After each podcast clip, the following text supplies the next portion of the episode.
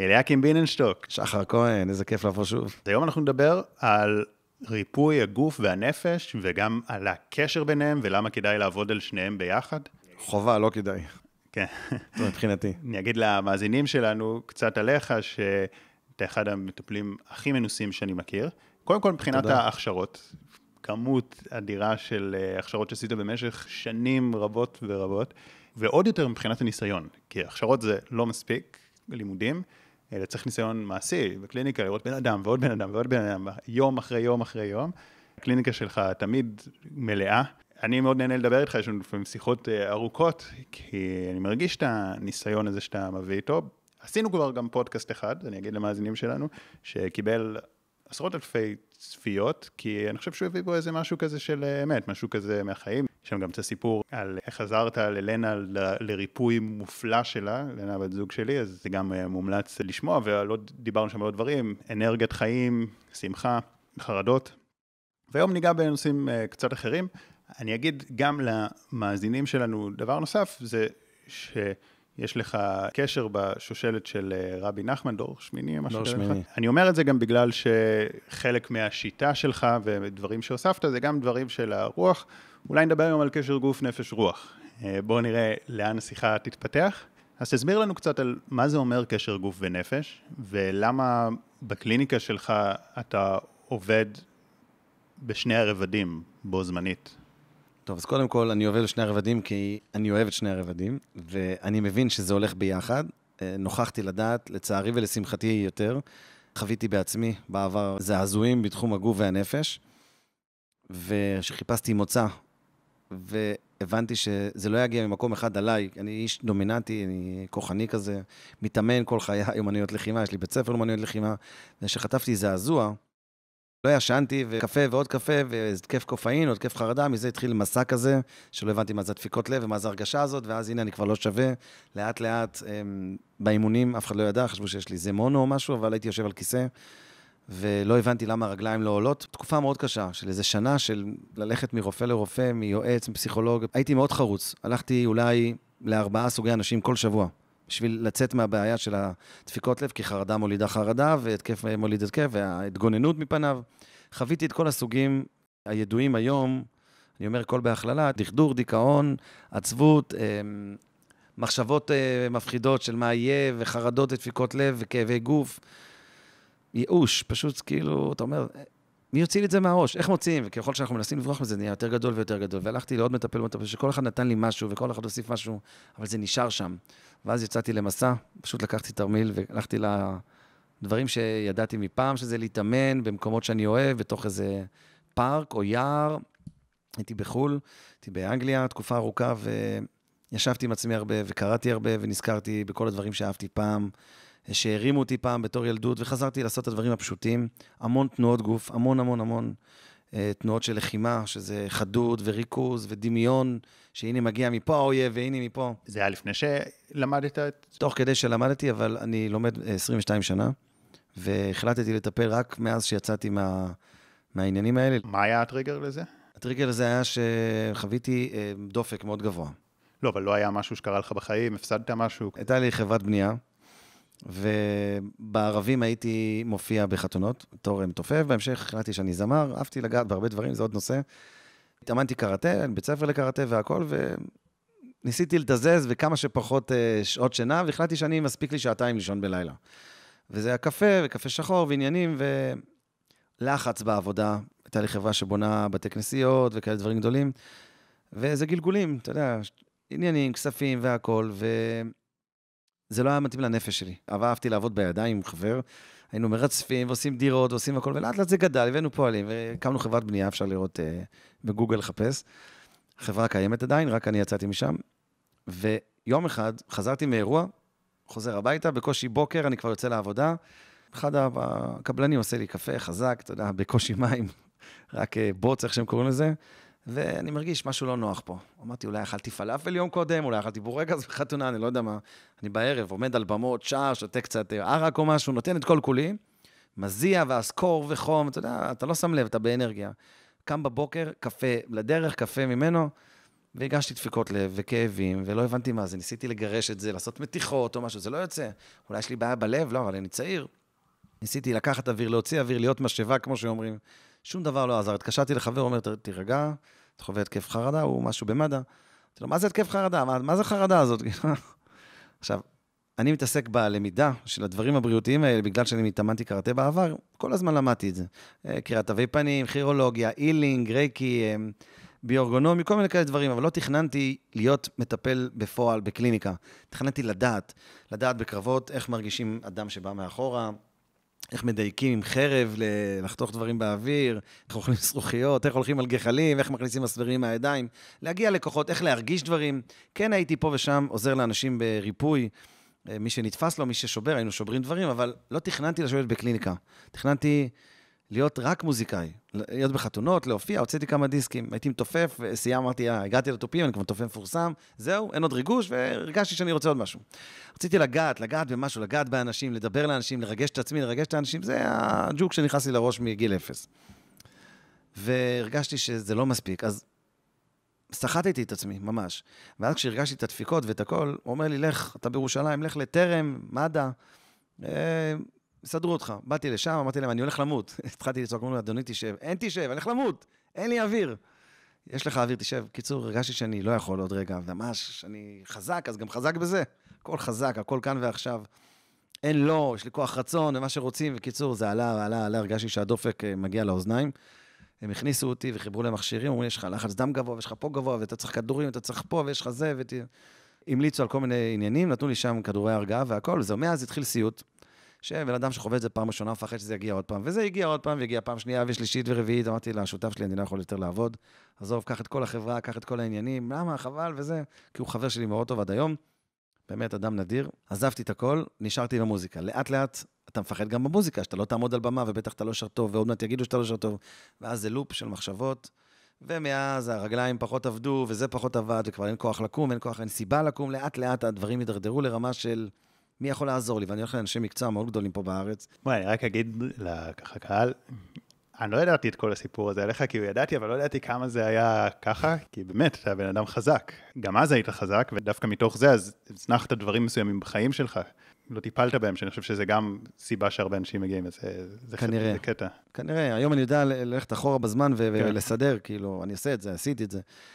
אבל כשזה קרה, שוב ושוב ושוב ושוב ושוב, גם שאלתי את אלוקים הרבה, הייתי יוצא בלילות, ואתה יודע, אתה יוצא למרפסת, כולם ישנים בבית, מה אני עושה? פתאום אני לא בחברת בנייה.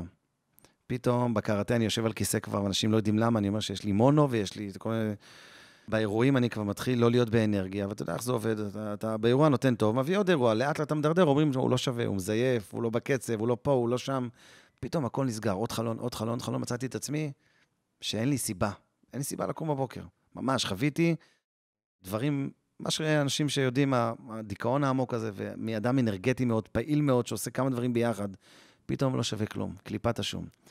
אז החלטתי שאני רק לומד תורה כל היום וכל הלילה, סוג של, אתה יודע, בריחה לאיזה מקום, ורכשתי הרבה ידיעות, קניתי המון ספרים, חיפשתי והלכתי למטפלים, באמת בעלי מקצוע אה, טובים, ממש בתחומם.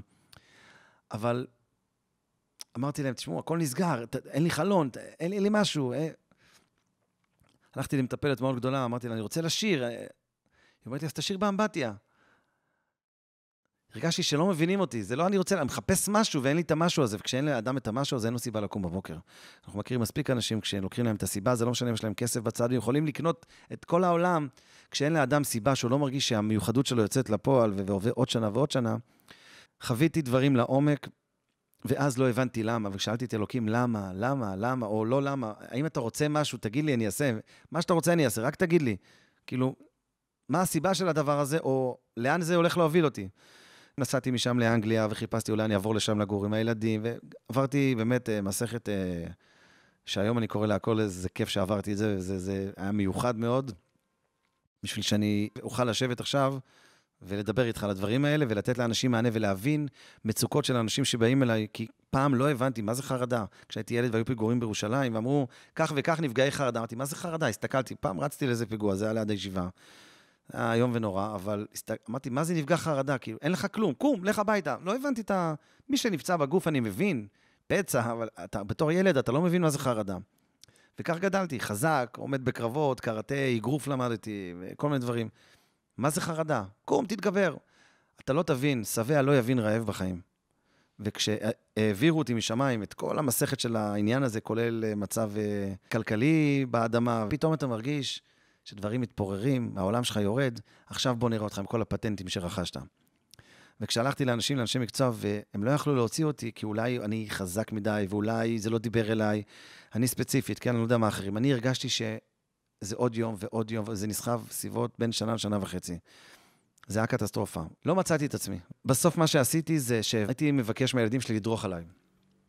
אה, משהו חזק, אולי, וזה היה מרגיע אותי, לדרוך, ועכשיו, אמרתי, זה במקום שיעצו, שהם לא, לא מבינים מה הם דורכים, אבל קח ימינה, קח שמאלה, קח שלושה ילדים קטנים, תעלו, ותעלו לי על הראש ממש, וזה היה מרגיע. זאת אומרת, יש נקודות בגוף. כמובן שבהמשך, כשהתעמקתי יותר ולמדתי יותר לעומק, שיאצו, טווינה, רפואה סינית, דיקור, אתה מבין שיש מערכת עצבים על כל הגוף, ושהיא יוצאת מאיזון, אז כמו שאנחנו חוטפים מכה, ישר אנחנו עושים ככה. והבינו את זה הסינים, שיש, קורה משהו, אני מזרים דם, אני מסדר את האנרגיה מחדש. יש פה חיישני אה, מערכת עצבים שמעבירים מסרים. אתה מחזיר את המסר למוח, תירגע, יהיה בסדר. מלטפים מישהו, מחבקים מישהו. והייתי מתאמן, חזרתי להתאמן, אבל מצד שני גם לא יכלתי להתאמן, כאילו היה לי חשק, הייתי מתחיל להתאמן, פתאום פחדתי, הנה, הדופק עולה עוד פעם. כבר לא יכלתי לעשות קרבות. לאט לאט הרגשתי שאין לי למה מה להמשיך ב... בלי להרחיב. אז לא חשבתי חלילה דברים מפחידים, אבל הרגשתי בהרגשה שכאילו מה הסיפור פה? מה, באים, הולכים, לא מרגישים טוב, מה זה? ובזכות זה יצאתי למסע שוב פעם מחדש, שלקחתי את הדברים מפעם, ודברים שצללתי בהם בעבר, כולל רבי נחמן וכולל, אה, אתה יודע, דברים, אה, יפן, סין וכל העסק, כל מה שאני יודע, כל התובנות. לקחתי תרמיל, כפשוטו, ויצאתי לכל מיני פארקים בלילות בשביל להתאמן, בשביל האוויר הנקי. ליד הים, עשיתי את זה גם באנגליה כמה חודשים, שם בפארקים, בגשם. זה, חזרתי לכל הדמיונות של פעם, שאני חזק ובגשם ולא אכפת לי שלג. הצטתי מחדש את הדמיונות שהובילו אותי להיות נגן גדול, זמר, אה, מה שרציתי להיות, ו... וקראטיס שרציתי להיות אלוף העולם פעם, כל הדמיונות של הילדות.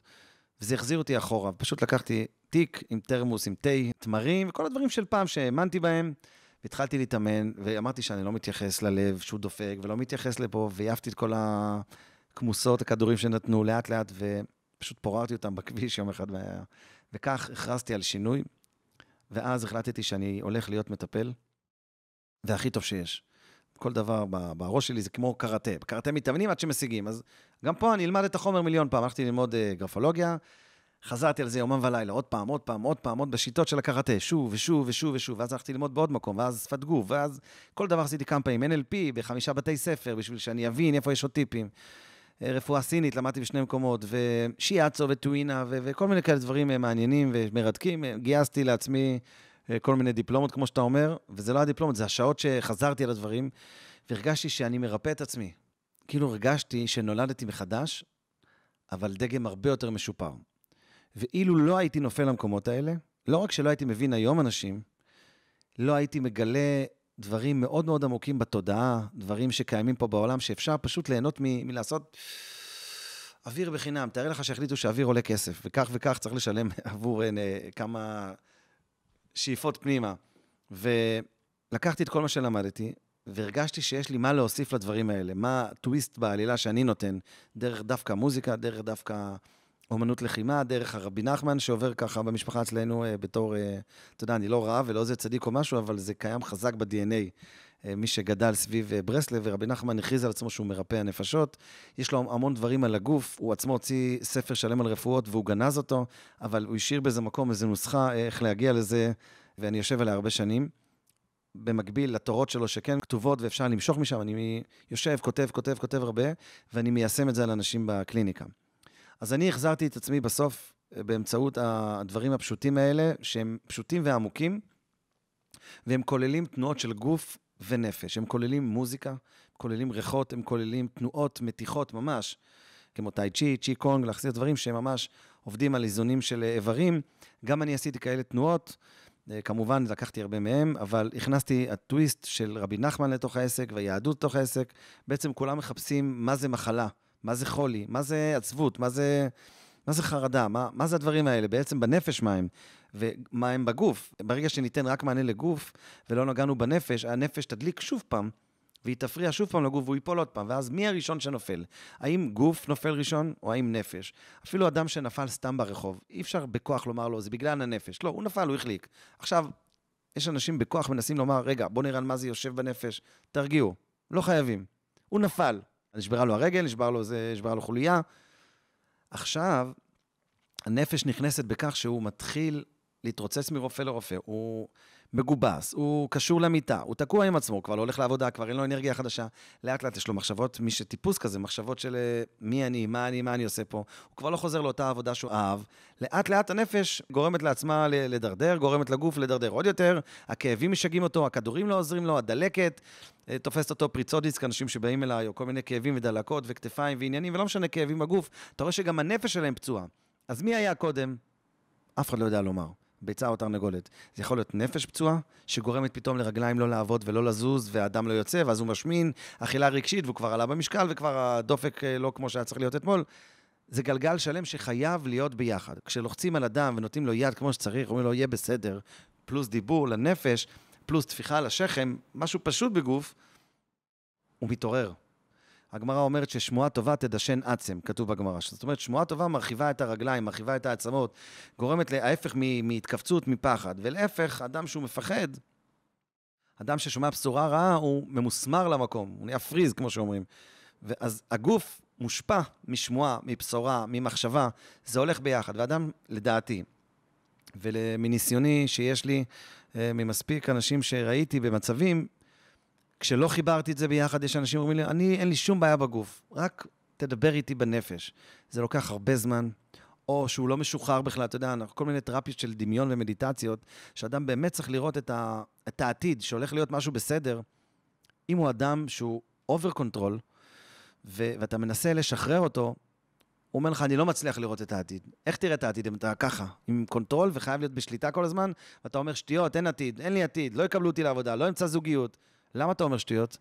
הרי מה שהוביל אותך לפחד, מה שהוביל אותך ל down, ובכלל לומר את מה שאתה אומר עכשיו, זה דמיון של לא הולך לי, דמיון שלא ילך לי, זה דמיון מול דמיון, מי ינצח? איזה דמיון שיהיה יותר אה, אה מרגש.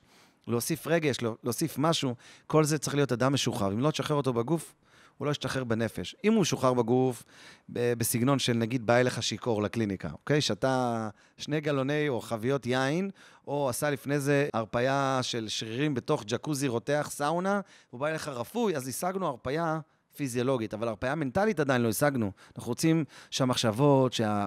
תוריד, תוריד את הלחץ, תוריד, תוריד. זו עבודה לכל דבר שחייבת להיות גוף ונפש. אה, ממש, והסינים דיברו על גוף דרך המחטים, לאזן איברים בנפש, אבל לא דיברו כל כך על מחלות נפש. והיום אנחנו מנסים בכוח להכניס אה, אה, גם לנפש, כי רוב רוב המחלות היום של הנפש זה חרדות ודיכאון ודכדוך ומחשבות טורדניות וייאוש. זה המחלות הדומיננטיות שככה נמצאות זמינות בכל, בכל פינה, בכל קרן רחוב. וכשאני התחלתי את הלימודים המסיביים יותר, אמרו שכל אדם עשירי לוקח... עזרים חיצוניים ככדורים, כמוסות וכאלה, והיום זה ירד לכל אדם רביעי. מה הסיבה לזה? הרבה סיבות. אני יכול לומר מעצמי, אני לא יודע מה נכון מתוך מה שאני אומר. אני שואל אנשים, אני מראיין אנשים, אתה יודע, באים אליי, איך כן. הגעת לזה, מה קרה? אני רוצה לאסוף, לאסוף מידע.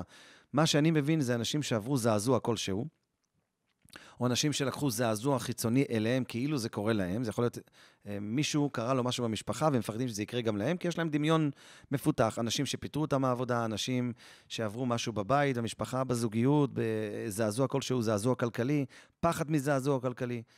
זה גורם למי שרגיש, למי שבעל דמיון, גורם לו לצאת מאיזון. בהתחלה זה משהו קטן קורה. אבל בעצם אתה אומר שהולך ונהיה יותר חרדות. אני לא חושב שנהיה יותר יותר בעיות בחיים. גם פעם היה לאנשים בעיות לא, בחיים. פשוט, נכון, אתה צודק. הבעיות היו תמיד אותו דבר, פשוט היום זה זמין. אם אני יושב בבית ואני מחובר לאיזה משהו במדיה, לא יודע, אינסטגרם, טיק טוק, ובמהירות מראים שם אדם שמכריז, הולכת להיות מלחמה והצפה בעולם, והוא חוזה בכוכבים, או רב גדול שמחליט אה, להפחיד את העם, וזה קורה במהירות, ואז עוד אחד, ואז עוד במהירות, ואז מיתון, והטה-טה-טה. המידע... השלילי, יש לו יכולת לעבור בדיוק כמו המידע החיובי, אבל משום מה, השלילי תופס תאוצה יותר במוח שלנו. והוא נכנס, כאילו הוא לא שואל את השומר בפתח, הוא נכנס פנימה יותר מהר. השיימינג יותר מהר, לפגוע בחבר יותר מהר. אדם שרשם משהו בקבוצה אה, משפחתית, הוא מראה שהוא השיג משהו, ולא מחמיאים לו מספיק בזמן, אם הוא אדם רגיש, או מחמיאים למישהו אחר בזמן, ולא לא מחמיאים. המוח משווה. המוח אומר, רגע, לא, כן, לי לא, מה סימן? שאני לא שווה. מי שרגיש, כן? מי שרציונל ואדם אנליטי מאוד מאוד מאוד מאוד מאוד, יכול להיות שייקח לו יותר זמן ליפול מהמצב רוח ומליפול לבור כזה. אבל מי שאדם יותר רגשן ויותר אה, רגיש וערני, שכמעט כולנו כאלה בפנים בסוף עמוק, יש לנו רגש בסוף, בא לנו להצליח, רוצים, ולא נותנים לאדם את הבמה, והוא השקיע. או זלזלו בו ממש באופן גלוי, אומרים לו, מי אתה בכלל? מי אתה חושב שאתה? כל מיני מילים כאלה. פעם היו צריכים לרדת למטה, לשכונה, ליד המכולת שיגידו את זה. היום זה קורה בשבריר שנייה, בכמויות זה יכול להיות. ואדם שמעלה משהו ולא עושים לו לייקים, אדם שמעלה משהו, כל מיני כאלה דברים שהרשת וה... זה גם יכול לתת פרסום חיובי, אבל גם... אז אני רק אה, מציין את הדבר הזה, זה, אני שומע סיפורים כאלה ואני מטפל בסיפורים כאלה, וגם אומרים שהחומר המשמר באוכל גורם לתזוזות. המון המון ממה שאנחנו אוכלים, חומר משמר, בשביל שיהיה יותר זמן אה, מדף. והחומר משמר משבש דברים בגוף ממש, ונכנס למערכת הדם ועולה למוח. זה גורם לדיכאונות, גורם לחרדות, אז מחקרים לא שלי. אפשר להגיד שהזיהום האוויר, אפשר להאשים כל מיני דברים. ומה אתה רואה מאנשים? זאת אומרת, מה אנשים מספרים? אנשים לא יודעים לספר כמובן על חומר משמר. אנשים, מה שמספרים זה על פחד ממה יהיה מחר, פחד מכסף, פחד מי ירצה להתחתן איתי, מי ירצה... ומה השורש של הפחד? השורש של הפחד זה בעצם מתנה שמובנית לנו במערכת. קיבלנו מתנה כשנולדנו לעולם, סוג של תבלין שנקרא פחד.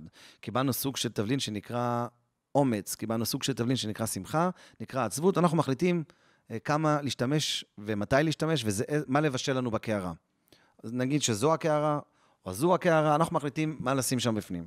אז פחד, השורש שלו הוא שורש טוב, הוא להזהיר אותנו מלעשות שטויות. אז למה הוא עושה מה שבא לו?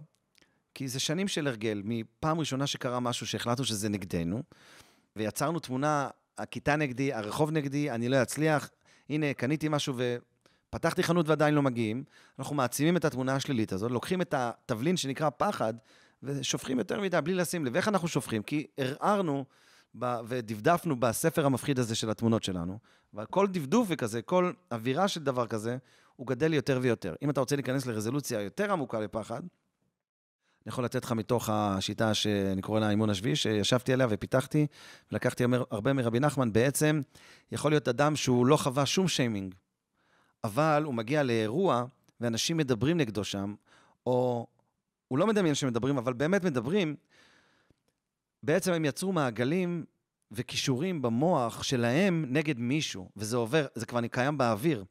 זה עובר כמו משב רוח. אנשים אומרים, אין לי אנרגיה במקום הזה. ויש מישהו אומר שיאללה, המשתיות של האנרגיה, כל המיסטים האלה. זה קיים באוויר בדיוק כמו שקיים אדם שמעריכים אותו ואוהבים אותו. הוא ירגיש שהמוכר אוהב אותו. הוא מרגיש שהאנשים שעמדו בתור הסתכלו עליו. אדם נגיד מפורסם, אוקיי? זה קל להבין את זה. אדם מפורסם, הוא מגיע לחנות ועומד בתור חנות גלידה. הוא מרגיש שאם מרכלים עליו לטובה או לרעה, בלי שהוא מסתכל אחורה. הוא יכול להגיד, אני מרגיש את זה. איך הוא מרגיש? הוא כן, העיניים שלו קלטו במהירות ועשו אחד ועוד אחד, רק הוא יכול לומר, לא הסתכלתי, הייתי עם כובע שמש עמוק עם משקפי שמש. העיניים שלו, איך שהוא נכנס לחנות, בשנייה כבר צילמו, והצילום ממשיך להיות גבוה יותר ועמוק יותר. ואם הוא לא נמצא בחנות ומדברים עליו אז עכשיו... אז עכשיו אנחנו נכנסים לקטע מיסטי. אה, מבחינתנו, מבחינת היהדות ודאי, התורה מספרת שבלעם, בלק היה מלך, הוא קורא לבלעם לבוא לקלל את בני ישראל. אז בלעם אומר לו, לא, אני צריך לעלות למעלה על הר לראות אותם. מה אתה צריך לראות אותם? אם אנחנו מבינים בכלל מה זה קללה, מה זה לקלל מישהו, מה זה לברך מישהו, איך זה עובר, מה זה, יש לזה כנפיים, גלים, הכוהנים בבית כנסת שמים ידיים ומברכים. למה אתם שמים ידיים? יש ויכוח בין יעקב ליוסף. יוסף יש לו שני ילדים, לא יודע אם לקרוא לזה ויכוח, כן, אבל לימוד, אפרים ומנשה, והוא הבכור והוא הצעיר, ויעקב מחליף ככה את הידיים, עושה כמו איקס, mm-hmm. שם את, היד, את יד ימין על, ה, על הצעיר יותר. ויוסף אומר לו, לא, אבא, הוא הגדול. אומר לו, לא, ככה, כן, ככה. מה אכפת לך על מי אתה שם את הידיים? למה צריך לשים ידיים? תחייך אליו, תן לו ברכה ותלך. למה ברכה בכלל עושה לנו טוב? מילים, צליל, סאונד, אתה יודע, אפילו עיניים טובות, בלי ברכה, בלי מילים. עיניים טובות למישהו, או עיניים מפחידות למישהו. עיניים זוהמות למישהו, או... מספיק ראינו אנשים שמסתכלים עם בעיניים מפחידות, ואנחנו, אתה יודע, ילד קטן, הוא נזהר. הוא נבהל, אפילו כלבלב ברחוב יראה אדם שכועס עליו, הוא, הוא ייזהר, הוא, הוא יפחד לגשת למשהו. איך הוא יודע לקרוא תדר של איש עצבני, או הוא למד שפת גוף? המידע עובר דרך ידיים, דרך עיניים, דרך אוזניים, דרך שהוא קיים בעולם בכלל. אתה יודע, אדם שנותן למישהו לעבור בכביש, הוא אומר, אין בעיה, קח, קח. זכות קדימה שלי, אבל כך. במכולת, אני עומד בסופר, קח, תעבור. בסוף זה מתגלגל, זה חוזר אליי. והאדם ה... שתמיד רוטן ותמיד שלי, עוקפים אותי וזה, פתאום לא נותנים לו. למה? אני הייתי ראשון. איך זה קורה? שמישהו יסביר את זה. איך קורה שאתה מזמן משהו בתת-מודע, שאתה חושב על מישהו, או מישהו שלא חשבת עליו 20 שנה, פתאום אתה חושב, פתאום הוא מגיע. לא ידעת שהוא יגיע. פתאום הוא מתקשר. איך זה עובד? שמישהו יקום ויסביר את זה. אז לפני שאנחנו מסבירים את זה, קודם כל, כך זה עובד, עובדה. זה עובד.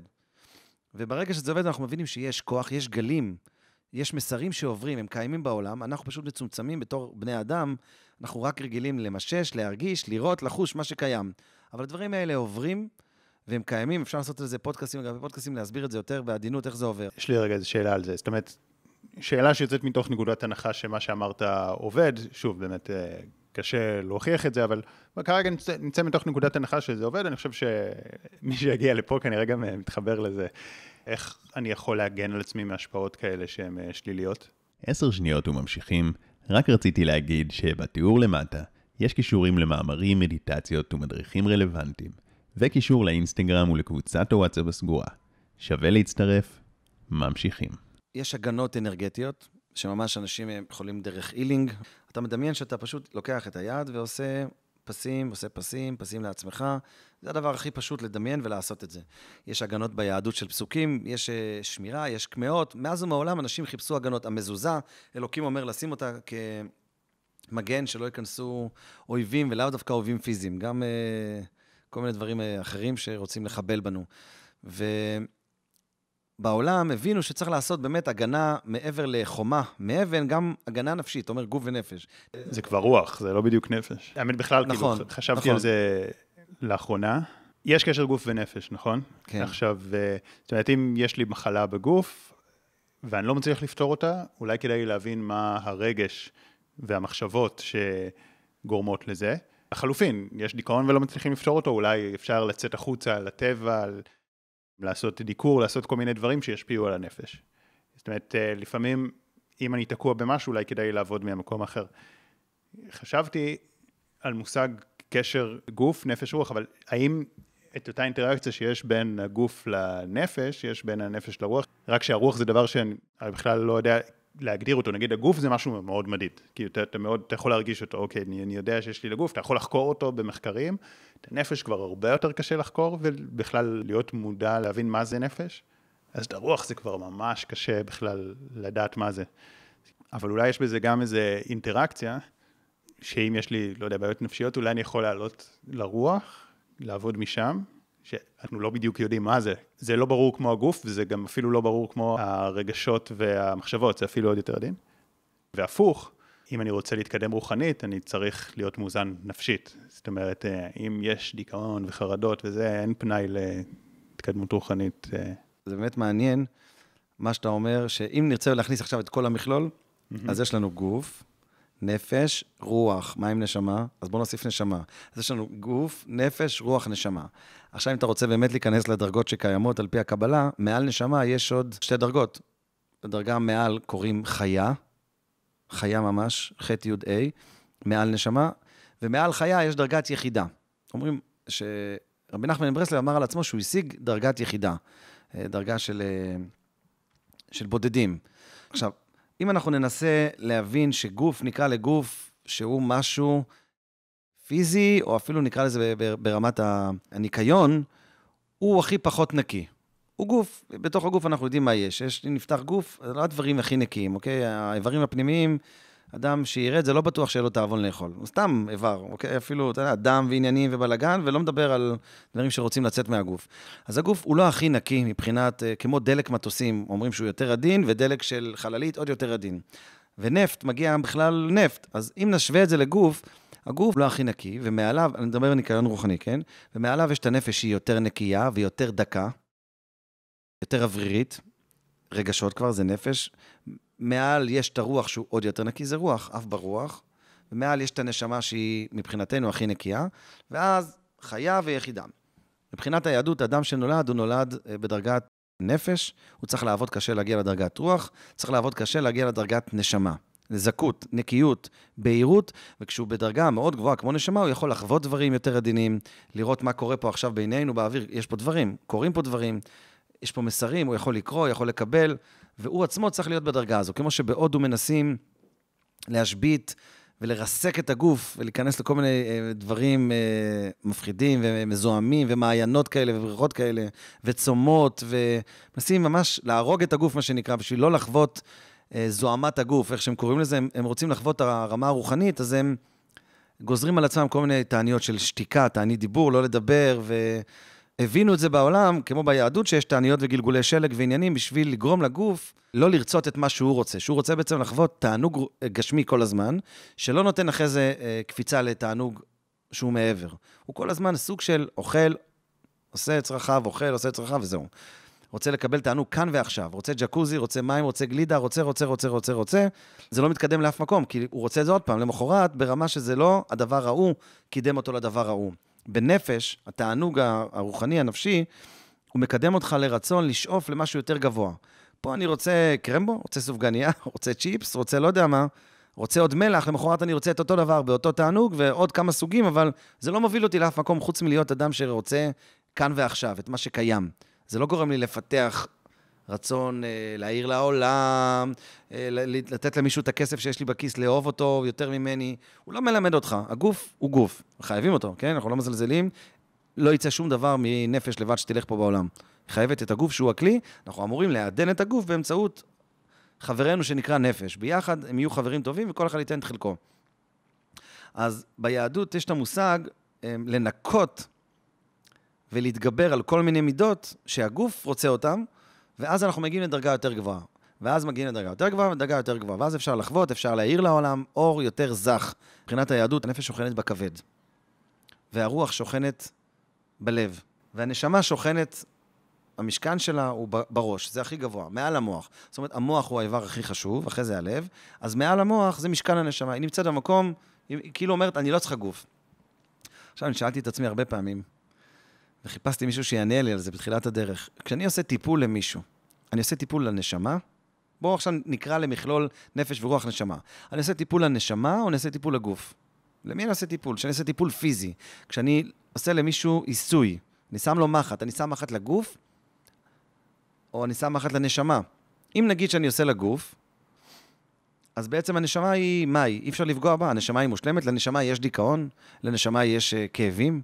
אם אתה אומר שאין לה כאבים, אדם שעושים לו עבודה לאחר שהוא נפטר על הגוף, הוא מרגיש? הוא נהנה מזה? אדם שאין נשמה באותו אזור. ניקח ציפורן, נשים את הציפורן מאחורי אותו אדם ונדפוק על זה עם פטיש. הוא יצעק איי? לא, אבל זה מקודם היה מחובר. בגלל שכבר, זה לא מחובר לגוף, אז מה חסר? חסר נשמה, כי זה כבר לא חי, אותה ציפורן.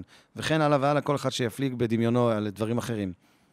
אז אנחנו מבינים שאם יש את החיבור, אותו אדם מרגיש. ואם אין את החיבור, איך תקראו, תקראו לזה איך שאתם רוצים, נפש, רוח, נשמה, או מה שאתם רוצים. כשאין את הדבר הזה, אז אותו אדם לא מרגיש. אז בעצם הטיפול הוא, לפי הבעל שם טוב, שהוא היה סבא של רבי נחמן, הטיפול הוא לנשמה. אבל לנשמה אנחנו לא יכולים לפגום בה. ככה אומרים, הנשמה היא משהו רוח, ו... אז מסתבר שאנחנו יכולים. כשאדם הוא חולה, גם הנשמה שלו נחלשת. בפירוש כתוב את זה בספר צוואת הריבה של הבעל שם טוב. כשאדם הוא חולה, הנשמה שלו נחלשת. אדם החולה בגוף, הנשמה נחלשת. אדם לא יכול לקום מהכיסא, כואב לו, הוא לא יכול להביא לידי ביטוי את היכולות של הנשמה. אז ממילא הטיפול חייב להיות גוף ונפש. נפש, שוב, זה כמכלול של נשמה. למרות שאנחנו לא כולנו בדרגת נשמה, קוראים לנו נשמה. אוקיי? אתה מדבר כרגע על נשמה, זאת אומרת, גם הרגשות ומחשבות, או שאתה מדבר... כמכלול, כמשהו רוחני כן, וכמשהו אוקיי, פיזי. כן, כן. זה באמת אה, מעניין, כן? אני גם הכנסתי אותנו לזה. ראיתי בגמר, עכשיו נזכרתי תוך כדי שאתה מדבר, שאני חייב לסגור רגע מעגל, שהגמרא אומרת שבאים לקבר, מי נמצא שם? האדם נפטר, מי נמצא שם? למי אתה בוכה? אם אתה אומר שנשמה עלתה למעלה, אז מי נמצא למטה? זה רק גוף, וגוף זה כלום אמרת. אז הגמרא אומרת שהנפש של האדם נשארת אה, בקבר, ולכן הוא מרגיש כל מה שקורה שם, אם לא, אם uh, מישהו בא וצוחק עליו, עושה משהו לא בסדר על הקבר, הוא מרגיש שיש לו איסורים. אוקיי, אבל איך יש לו איסורים? הוא נמצא בשמיים. אז הגמרא אומרת שהרוח, שהיא האמצע, היא בלב, הרוח היא מרחפת ומקשרת, מעבירה מידע בין הנפש שנמצאת למטה, לבין הנשמה שנמצאת איפה, איפה שהיא נמצאת. אז הרוח היא המקשרת. אז הטיפול, אם אתה רוצה לשאול אותי את השאלה מקודם, אדם שהוא עצוב, הוא עצוב, הביטוי יהיה בגוף, אבל הרגשות הם, נגיד, הנפש אחראית על הרגשות, הרוח, היא מתערערת, זה נקרא, פעם קראו לזה מחלות רוח למיניהם, כן? הרוח, היא מתערערת, הרוח שלנו נהיית צערורית, הרוח, ואז הנשמה סובלת. כולם סובלים במיקס הזה. לכן הטיפול חייב לכלול מגוף עד נשמה. בן אדם בא עם חרדות, עם חוסר אנרגיה, עם uh, כאבים או מחלות. בוא תיתן גם איזה כלי ככה מהאמון השביעי. אני מתמקד בהכל. אדם שבא אליי, אני אומר לו, תקשיב, זה כולל את זה, זה כולל את זה, בוא, אתה, במה, רק תגיד לי במה אתה רוצה להתחיל. אתה רוצה להתחיל בגוף, אתה רוצה להתחיל בנפש. אם הוא אומר לי, לא אכפת לי, מסתכלים עליי, לא אכפת לי, תשמע, יש לי דופק גבוה, עצוב לי, מר לי, אני לא יודעת מה לעשות מהחיים שלי. אז אם זה משהו ספציפי של, אני צריכה, מחר יש לי הרצאה ואני צריכה לפתור ואין לי אומץ, אז אני עושה, יאללה, בוא נעשה משהו במוח. אבל אם באים לתהליך, רוצים לפתור באמת ולשנות אה, משהו מהותי, זה יכלול גוף ונפש. עצם התהליך של הנפש אצלי, שבעצם זה מדיטציות, עם מוזיקה וכלי נגינה וריחות, אני מכניס כל חמשת החושים בטיפול, שזה גם טיפ, אם אתם רוצים לצאת עם משהו, ומי ששומע אותנו והוא מטפל, תכניסו בטיפול את חמשת החושים, לא תקמצן. אה, תדרים, עניינים והכל ביחד. שהטיפול יהיה באמת, שייתן מענה לכל אדם, אנחנו לא יודעים מה חזק אצלו ומה הוא אוהב, צריך להיות הכל בפנים. אז הטיפול אצלי הוא כולל מגע כמובן, והוא כולל מגע, שזה אומר, יכול להיות טיפופים, אזורי מוח, נקודות כל מיני, תוך כדי שאני נותן אה, אה, הנחיות לתת המודע, ונענוע, ולכן הוא מתאים לאנשים שהם חזקים, והם אה, אוהבים דברים בעוצמה. הוא מרגש מאוד, הוא מטלטל מאוד. אני לוחץ בכל מיני מקומות שעוזרים לאדם להוציא את מה שעובר עליו, אם זה לבכות, ואם זה לצחוק, ואם זה לשאוג.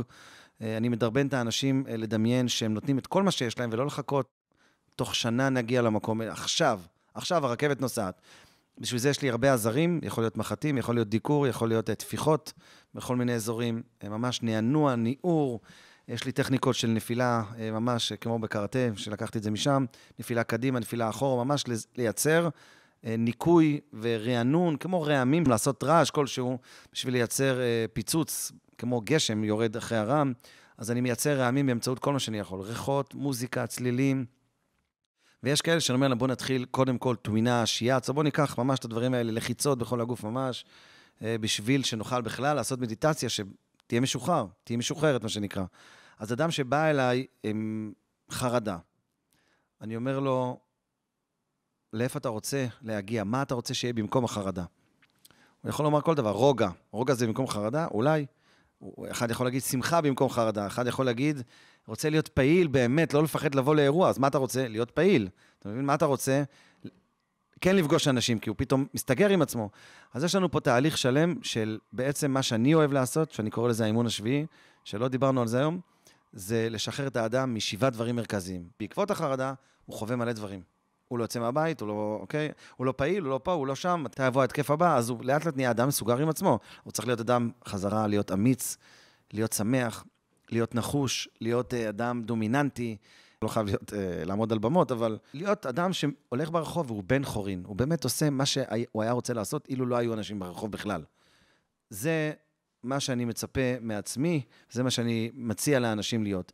ובעצם אני מנער אדם אני, אני קורא לזה, בוא ננקה את הגינה, נקרא לה גינה המוח. קודם כל נעשה ניקיון, זה בפועל מה שאני עושה. ניקיון זה אומר, מה כל הפחדים שעברת בחייך, הדומיננטיים, בוא ננקה אותם. לאחר שניקינו, בוא נשתול עצים. זאת אומרת, להביא אנרגיה זה רק אחרי שניקינו. זה כבר פרח. אני לא אשים פרחים לפני שהבית נקי. אני לא אשתול בגינה פרח לפני שהוצאנו והדרנו את כל הקוצים בחוץ. אז הניקיון גם ביהדות זה ככה. חזרה בתשובה, מה זה יום כיפור? חזרה בתשובה, ואז יאללה, שמחה, שמחה את השואבה, יאללה, בוא נרקוד. ככה זה היה תמיד. אנחנו מנקים לפסח, ואז מביאים את המצות, הדבר החדש. אז אני עושה את אותו דבר. קודם כל, אני עושה ניקיון על כל האלמנטים שדומים למה שהאדם ביקש. אם זה עצבות, כל העצביות שלו, שהיו, שהוא זוכר שהוא היה עצוב, שעמד בפינה, שהמורה הענישה אותו. אני חוזר אחורה, אומר לו, בוא נדמיין, מה הפעם הראשונה שלך? ואז אנחנו הולכים לפעם הראשונה, אנחנו עושים שם איזה תהליך כלשהו, או אדם שעבר, אה, שהפחיד אותו ברחוב, ועד היום הוא קורא לעצמו פחדן, או חסר אומץ. לפני שאני אגיד לו, בוא נהיה אמיצים, בוא נבדוק כל האירועים שאתה קורא לעצמך, שיש לך הוכחה שהיית פחדן, ונשנה אותם, באמצעות תהליכים. ואז אני שותל בו את הדבר שהוא ביקש. אני כן אוהב לעבוד על שבעה דברים מרכזיים, גם אדם שבא רק לחרדה, אני כן אציע לו לעבור את האימון השביעי, שזה לעבוד על שבעה דברים. שזה אנרגיה בפנים, פגיעה, עלבון, כן, כעס, אה, פחד, אה, לא יודע מה להחליט, ויש שם אה, שבעה דברים שקשורים לשבעה איברים, ואנחנו עובדים בתנועות מסוימות, או דיקור מסוים שלקחתי, בשביל לגרום לאותו איבר שקשור לאותה תחושה להתעורר. אתה יכול לתת איזה כלי. נגיד, בפודקאסט הקודם, הסברת כזה מה לעשות בזמן התקף חרדה. אה, זאת אומרת, ראשונה עזרה יותר, ראשונה. בוא עכשיו אני רוצה לא לדבר על עזרה ראשונה, אלא על איזושהי עבודת עומק שבן אדם יכול לעשות עם עצמו. מה שאמרת על הלנקות ולשתול. אני אתן משהו שפשוט קפץ לי עכשיו לראש. שאגב, אני רק אגיד, בכלל אין מה לזלזל בעזרה ראשונה, זאת אומרת, אם עכשיו יש התקף חרדה, עזרה ראשונה זה הדבר כן. הכי יעיל, כאילו אין מה לעשות את העבודת חקירה. אז אם כבר אתה רוצה, ניתן עוד משהו של עזרה ראשונה ככה. אדם שחווה התקף כלשהו, או עצבות כלשהי, או זעזוע כלשהו, ומי ששומע את זה וזה נראה לו פשוט, שיעשה את זה, ואחרי זה שידבר איתי. פשוט תדליקו מוזיקה ותרקדו, תנו לגוש שלכם לעשות איזה תנועות שהוא רוצה, וכשאתם רוקדים, תגידו לעצמכם, אני מאמין שהולך להיות בסדר. אני מאמין שגם אני ראוי לקבל שפע בעולם, ולרקוד לפחות חמש דקות שהדופק יעלה. ואם זה חרדה לפני השינה, זאת אומרת, אז גם... לקום לרקוד. כן. ואחרי שאדם רוקד, הגוף פירק כבר את המטען שלו, עכשיו הוא יהיה רגוע. ואם לא, הוא יישאר ככה כמה שעות. בתדר כזה בום, בום, בום, קום, תרקוד. מה לרקוד? אני עצוב, לקחו לי את הבית, לקחו לי זה, מחר מפטרים אותי מהעבודה. קומו לרקוד, אני אומר לכם, זה מה שאני עשיתי. רבי נחמן דיבר על זה כל כך הרבה, ו- וזה מה שהוציא אותי בעיקר, וגרם לי לרצות לקום ולעשות אחרי זה את הדברים שרציתי. לך ללמוד, לך תקום, לך תתאמן. לא רוצה להתאמן, אין לי חשק. אני יודע שאימון ריצה עכשיו תעזור לי, לא רוצה. תרקוד חמש דקות. אתה נותן כוח ועוצמה לתמונה של יהיה בסדר. אז כיוון שאני רוצה רגע אה, לסגור את הפינה של דיברתי על עצמי, מבחינת ה... לא תכננתי, תדע לך, זה נראה לי זו פעם ראשונה שאני מוציא את זה ככה. לא פירטתי יותר מדי לעומק, אבל זה מספיק בשביל להוציא את מה שאני עברתי, בשביל שיבינו כולם שמטפל טוב, זה אדם שבעצמו היה שם. אי אפשר לדון אדם עד שאנחנו נכנסים לנעליים שלו, אז אני הייתי בכמה סוגי נעליים של אה, תחושות ורגשות שאני חוויתי על בשרי ומאוד בוער בי שמישהו בא ב... ומספר את סיפור דומה, שחווה משהו ממה שחוויתי, אני כאילו אומר לו, בוא, בוא, בוא, בוא ביחד, בוא נעשה את זה. אני כאילו אומר, בוא, תעשה מה... אם הוא לא בסגנון של הסגנון טיפול שלה, זה משהו אחר, אבל אם זה מדבר אליו, אז אני, זה ממש עובד כמו קסם. אז אני רגע אתן ככה איזה, לא עזרה ראשונה, יותר, יותר עמוק קצת. והוא מרבי נחמן. רבי נחמן מדבר שאדם עובר משהו קשה, עובר, עוברים עליו ייסורים, לוקחים לו את הבית, עושים כל מיני דברים קשים, או סתם לא מרגיש טוב, והוא לא מבין למה. הוא שואל את אותה שאלה שאני שאלתי, למה או למה? אתה יודע מה? לא למה. הוא לא מתלונן. למה? מה אני יכול לעשות עם המידע הזה שהגיע אליי? אז אומר רבי נחמן, איסורים זה רק אדם שלקחו ממנו את הדעת. קודם כל לוקחים ממנו את השכל, לוקחים לו את המחבר שיחבר ויגשר בין אירוע לאירוע, בין קשר, מה הדבר הזה יכול להוביל אותי. וכשלוקחים לו את הדעת, הוא מתחיל לסבול. אם היה לו שכל, הוא היה יכול להתבונן ולראות שמה שהוא עובר עכשיו, זה בכלל לא עצוב. מה לא עצוב? הוא עובר כאבים, לקחו לו את הבית, אין לו כסף, פיטרו אותו מהעבודה, זה עצוב. אומר רבי נחמן, זה עצוב עכשיו, כאן ועכשיו, כי אתה חי את הכאן ועכשיו. אם אתה תחיה את הקדימה, אתה תוכל להבין שכל מה שקורה לך עכשיו זה לטובה. כמו שאני היום יכול לומר, אני מבין כל מה שעבר עליי.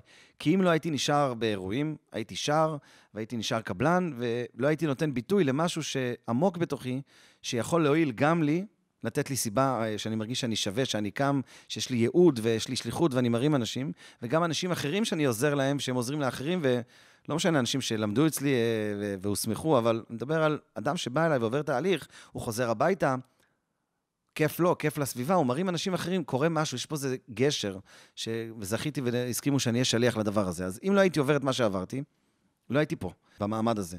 ואילו הייתי יודע אז למה ולאיפה זה מוביל אותי, כבר לא הייתי עצוב אז. בסך הכל עניין של סבלנות, הייתי אומר, איך אני מסתדר עכשיו עד שיגיע הדבר.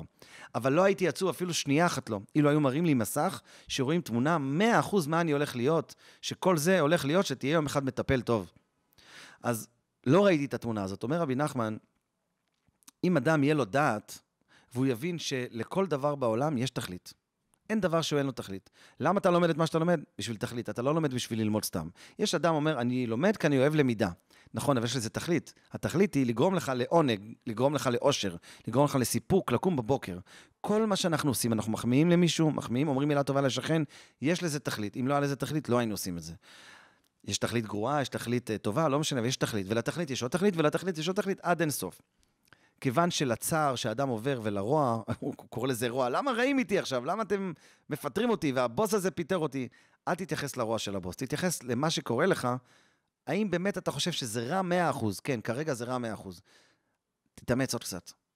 אילו היו מראים לך עוד חמש שנים שבזכות שעכשיו מפטרים אותך מעבודה, נהיית עצמאי ונהיית אדם שעושה הרבה יותר כסף באותו חודש. גם היית אומר עכשיו שזה רע? לא. לא הייתי אומר עכשיו, אבל זה רע. לא. אבל אם אתה זורק את עצמך קדימה, לוקח משם את התמונה ומביא אותה לכאן ועכשיו, ומלביש אותה עכשיו על עצמך, פתאום עכשיו לא רע לך. בהרגשה. עזוב רגע שאין לו עכשיו אה, כסף לקנות במכולת, אני מדבר בהרגשה. כי בסוף אנחנו לא מטפלים ואין אין, אין כסף למכולת, אנחנו מטפלים מה אתה מרגיש בגלל שאין לך כסף למכולת. אני זוכר שבא אליי אה, חייל מל... פצוע ממלחמת לבנון השנייה, משהו מאוד קשה, והוא רואה את התמונות של החברים שלו בלילות, הוא לא יכול לישון, הוא לא יכול להירדם, וזה מאוד קשה עבורו, ואמרתי לעצמי, איך אני מטפל בדבר כל כך גדול, כל כך עצום? מה אני עושה? התקשרתי לאחד המורים שלי, הזקנים, זקני השבט, והוא לא ענה. הוא לא נוהג לענות לטלפונים. רק בבוקר בשעה מסוימת. הוא לא ענה ולא ענה, אמרתי, מה אני עושה, מה אני עושה? הוא מגיע אליי, מה, אז אני אגיד לו שאני לא יכול לטפל, אבל אם אני אגיד לו, גם לבא בתור, לא יהיה לי אומץ, אני חייב לשבור את האומץ, אבל מה אני עושה? זו אחריות שלי, אני לא יכול לקבל כזה אדם. מה אני עושה? ואז פתחתי איזה תורה של רבי נחמן, שהוא מדבר שבכל אירוע שקורה לנו, יש בפנים עומק של מסר. איסורים זה מסר, ומסר זה בעצם מביא את האדם לחוש תחושה מסוימת. אז אמרתי לעצמי, רגע, אני לא מטפל בסיפור. באמת זה סיפור גדול. מי אני שאני יכול לטפל כזה סיפור? אני מטפל ברגשות. מה אתה מרגיש בגלל מה שאתה רואה בלילות? מה אתה מרגיש בגלל שפיטרו אותך מהעבודה? מה אנחנו מרגישים בגלל... מה אתה מרגיש בגלל... אני לא מטפל, אדם שבא אליי ולקחו לו את הבית, או פיטרו אותו אני לא מטפל בעבודה, אני יכול לספק לו עבודה? אני לא לשכת העבודה. מה אני יכול לעשות? אני מטפל מה אתה מרגיש בגלל שכרגע אין לך בבוקר לקום לעבודה. אני מרגיש שאני לא שווה, אני מרגיש שהחיים... בזה אנחנו יכולים לטפל. מה אתה מרגיש בגלל... מה את מרגישה בגלל שאת לא מוצאת עכשיו זוגיות? אני מרגישה שאני לא שווה, אז בזה אני יכול לטפל. בסוף אנחנו מטפלים ברגשות, כי כסף בא, כסף הולך, יש אנשים שיש להם מספיק כסף, יש אנשים שיש להם הכל, ועדיין הם מרגישים לא טוב, אז אני מטפל ברגשות בסוף. זה טיפ למטפלים, מי שרוצה להסכים עם מה שאני אומר. כיוון שאנחנו מטפלים ברגשות, תראה, ברפואה קונבנציונלית, אדם שנשבר לו יד, מטפלים ביד, הם לא מטפלים ברגש. ו- ומטפל אחר, מטפל רק ברגשות. אנחנו כמובן רוצים לטפל גם וגם, אבל בסוף, מה אתה מרגיש בגלל שנשבר לך יד? מרגיש לא שווה עכשיו, יזרקו אותי מהעבודה, כי אני לא יכול אה, לספק, או אני לא יכול להרים משקולות, אז אני מרגיש לא טוב, אני לא יכול ללכת לחדר כושר. כל אחד בסוף זה מסתכם ברגשות. אומר רבי נחמן, כרגע, אתה רואה שהכל הכל נגדך. כולם נגדך, אלוקים נגדך, חלילה. כולם נגדך. אבל אם אתה מסתכל לרחוק, אתה תראה שבסוף זה הולך להיות טוב. איך יכול להיות? תסתכל על הרבה דברים שקרו לך עד היום, בסוף הכל יסתדר. גם אם לא הכל, הרבה דברים יסתדרו שהיית בטוח שהם לא יסתדרו. אז אם הרבה דברים יסתדרו, אולי גם עכשיו זה יסתדר. אומר רבי נחמן, כן, אבל איך אפשר להסתכל לרחוק? אנחנו כאן ועכשיו. אז הוא אומר שאדם שרוצה להסתכל לרחוק, בעצם מה הוא עושה? הוא מצמצם את העיניים. הוא עושה ככה. ואם הוא רוצה להסתכל עוד יותר רחוק, הוא סוגר עין אחת בכלל. כמו צלף, צלף סוגר ומשאיר רק עין אחת, ואת אותה עין הוא ממש מצמצם. בעצם משקפיים, שאני רוצה לראות לרחוק היום, זה, קוראים לזה ההפך ממשקפי מגדלת, מקטנת. אנחנו מקטינים את המספר, אנחנו מצמצמים מניירות, מצמצמים רעשי רקע, מצמצמים דמיונות של משהו רע הולך להתרחש. זה בעצם פחד, זה חרדה, זה דיכאון. אני לא מדבר על דיכאון קליני. בכל הפודקאסט שעשינו היום, אה, אני מדבר על הרגשה של דיכאון, על דכדוך, על עצבות. דיכאון קליני אני משאיר לפסיכיאטרים, אבל אני מדבר על גם מי שרוצה ויקח, מה שרוצים. אדם שרוצה לראות למרחוק את הישועה שלו, והוא בא אליי ואומר, איך, מה רחוק? אל תבלבל את המוח, אני כבר שנים, הכל נגדי, דלתות נסגרו, מה אתה מקשקש את השכל? אני אומר לו, כן, אבל באת לפה. אם באת לפה, זאת אומרת, אתה רוצה שאני אשנה לך משהו בזה. אני לא אוציא לך כסף מהכיס, קח, מהיום אתה בא אליי ואני מפרנס אותך. אני רוצה לגרום לך ללכת להביא סכום כזה בחודש. איך? כי אתה אמור לראות שאתה כן יכול להביא. איך אתה אמור לראות? אין, דלתות נסגרו בעבורי. צמצם את העיניים שלך, בוא, בוא נעלה על ההר, תסתכל רחוק, אתה רואה שם ושם? שם נבנה עיר. כאילו, כנס למוח שלך ותראה, אתה רואה שם ושם, מחר הולך להיות יום חדש. מחר הכל יכול להשתנות. אם נסתכל על מלחמות שעברנו בתור עם, מיליון פעם ניסו להעלים אותנו מהעולם. מי שנשאר אחרי המלחמה, בתמונה של המלחמה, הוא באמת לא השתקם. מי שאמר, נעלה, נקים, נעשה, למרות הקושי, הוא הקים משפחה חדשה, הקים ילדים, הוא היה הסבא הכי נחמד לבית שלו. כי הוא, הוא צמצם את ההפרעות שרצו להגיד לו, עזוב, ככה נישאר, הוא מצמצם את זה. אז כשאנחנו בחרדה, אנחנו רואים אובר אויבים. אויב שמגיע מפה, אויב שמגיע מפה, זה יכול לבוא מפה, זה חרדה רצינית. זה דיכאון רציני, זה תחושה של ייאוש. מה יהיה מחר? וגם זה לא, וגם זה לא הולך לי. אנחנו סוגרים בעצמנו דלתות של אפשרות לשינוי בעצמנו. זה בעצם חוסר איזון. מה עושים? צמצמו רגע את העיניים, בואו בוא, בוא נצא למרחוק, צמצמו. עזוב, עזוב את הכאן ועכשיו, לא מטפל בך בכאן ועכשיו. בוא נטפל ברמה שאנחנו מייצרים תמונה חדשה. בוא נסתכל, אשא עיניי אל ההרים, סתכל רחוק, קח משקפת, לא מצליח, קח טלסקופ, צלם מרחוק. מרחוק יכול להיות משהו טוב? יכול, אל תתווכח איתי, יכול או לא, בטח שיכול להיות, כולנו מסכימים שיכול להיות, שחר, יכול או לא יכול. הכל יכול להשתנות. אז אם הכל יכול להשתנות והכל פתוח, כי מישהו אחד בעולם הצליח להשתנות, גם אנחנו יכולים. ואם מישהו אחד בעולם הצליח סוף סוף לעשות לעצמו, אה, שיהיו לו חיים יותר נוחים מבחינה כלכלית, אז גם אני יכול לעשות. למה? אני לא יכול, אין לי ידיים, אין לי רגליים, אין לי פה. אני יכול. השירות לא קשורה לשכל, יש מספיק אנשים שלא למדו קרוא וכתוב והם עשירים. זאת אומרת, שום דבר לא מוגבל לשום דבר. זו שאלה, מה התמונה שאנחנו מוכנים לראות בלי המפריעים מהצד. אבל יש מפריעים, צמצם עיניים, סגור עין, צמצם עין אחת, צמצם עוד עין, צמצם, צמצם, צמצם. יופי, לא רואה כלום. בעצם כשעושים מדיטציה, מצמצמים. אומרים לאדם, אם נוח לך יותר, תעצום עיניים. כן, נוח לי יותר לעצום עיניים. למה?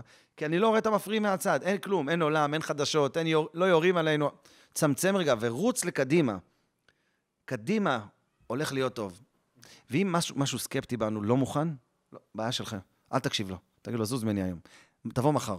אולי אני אתן לזה סיכום, משהו שגם ככה אמרת אותו, שגם הפחד זה דמיון לגבי העתיד. נכון. דמיון השאלה, במה אנחנו בוחרים להאמין. זאת אומרת, בשניהם בסופו של דבר זה כרגע לא המציאות. אני מציע לעשות גירוי תגובה. כשאני מגרד, אני מגרה, נהיה פה פצע. האדם אוכל דברים לא בריאים לקיבה שלו שוב ושוב, יש פצע. מאוד כדאי לגרות את שני הצדדים. לא להגיד, בוא רק נעשה את התמונה הטובה. כן, רגע, תתמקדו רגע בתמונה המפחידה. אוקיי, ממה אני מפחד? תיצרו תמונה כזאת. תמסגרו אותה. בואו נדבר עליה. ממה אני מפחד? מה זה יכול לעשות לי? מה הכי גרוע שזה יכול לעשות לי? ומה יקרה אחרי שזה יעשה לי את מה שיעשה לי? מי אמר שאני לא אצליח לקום מזה? אני מתחיל לערער את התמונה. מי אמר שאני לא אצליח אה, למצוא פתרון? כן לחוות רגע את הפחד, ואחרי שחווינו את הפחד, תעצרו שנייה, עכשיו תחוו רגע, תנו גם צ'אנס לדמיון החיובי. ואז כשחווינו את שתיהם, אנחנו נבחר לבד. ברגע שאומרים לאדם, עזוב, יהיה בסדר, מזלזלים בפחד שלו, אין, לא נותנים קיום לפחד שלו. תן קיום לפחד. תחווה רגע את זה, תחווה רגע את זה, ואז תגיד לפחד, בך אני בוחר היום לא להאמין, מחר אני אאמין בך, אין בעיה. כי למה? כי אתה אומר, מהיום אין פחד, אני לא קונה את זה. הרי חוויתי ואני... אז כן להסתכל לרחוק, לצמצם את העיניים, לייצר תמונה כזאת, ולכן, אם אנחנו רוצים להשלים את הטיפ, איך אפשר להסתכל לרחוק? רבי נחמן אומר להסתכל לשמיים. הוא אומר, השמיים, יש להם סגולה, הם נוסעים. אם יש עננים בכלל, יש את הטכניקות להטעין את הפחד על הענן ולתת לענן לנסוע, והוא לוקח את זה וממשיך הלאה. אבל ההסתכלות על השמיים גורמת לאדם להתחבר למקום גבוה שהוא הגיע משם. כל בוקר הוא מגיע משם, שהוא פותח את העיניים. בטיסה ישירה הוא מגיע, הוא, הוא, לא הגוף, הוא, הוא זה הנשמה. הוא מגיע משם. כשאדם מסתכל לשמיים, אומר רבי נחמן, זה סגולה לאמונה. הוא מאמין מחדש שיהיה בסדר, שהכל יסתדר, וכן, אוהבים אותו ורוצים אותו. עובדה, הוא חי, הוא נושם. אדם, בשביל לפחד, צריך להיות אדם חי. אם הוא לא חי, הוא לא מפחד. אדם, בשביל להרגיש צער, הוא צריך להיות חי. אז אם אתה חי, מישהו החזיר לך בבוקר את החיות. הוא החזיר לך כי הוא נתן לך עוד צ'אנס שיש סיכוי שהולך להיות שינוי.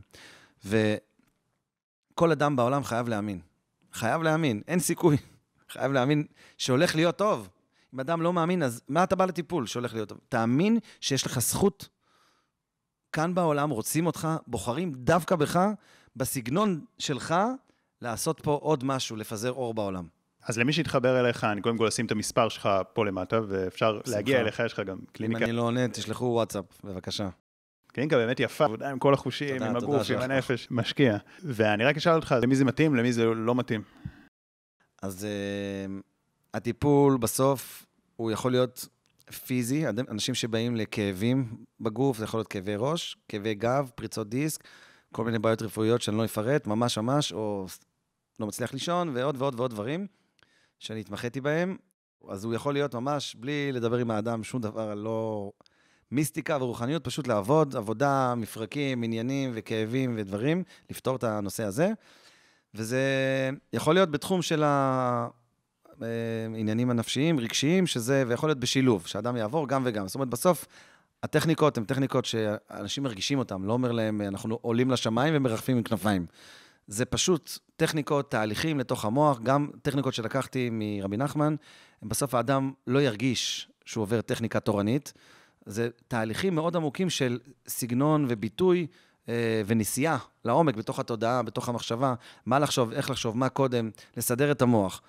המקורות שלקחתי יכולים להיות גם משם ומעוד מקומות בעולם. אוקיי, אז למה זה מתאים? כאבים, עבודה עם הנפש, הסברת, זה די כולל כן, כמעט זה- הכל. זה רחב. אבל לאיזה סוג אנשים מתאימה העבודה הזאת? כי אתה די אינטנסיבי בסגנון שלך.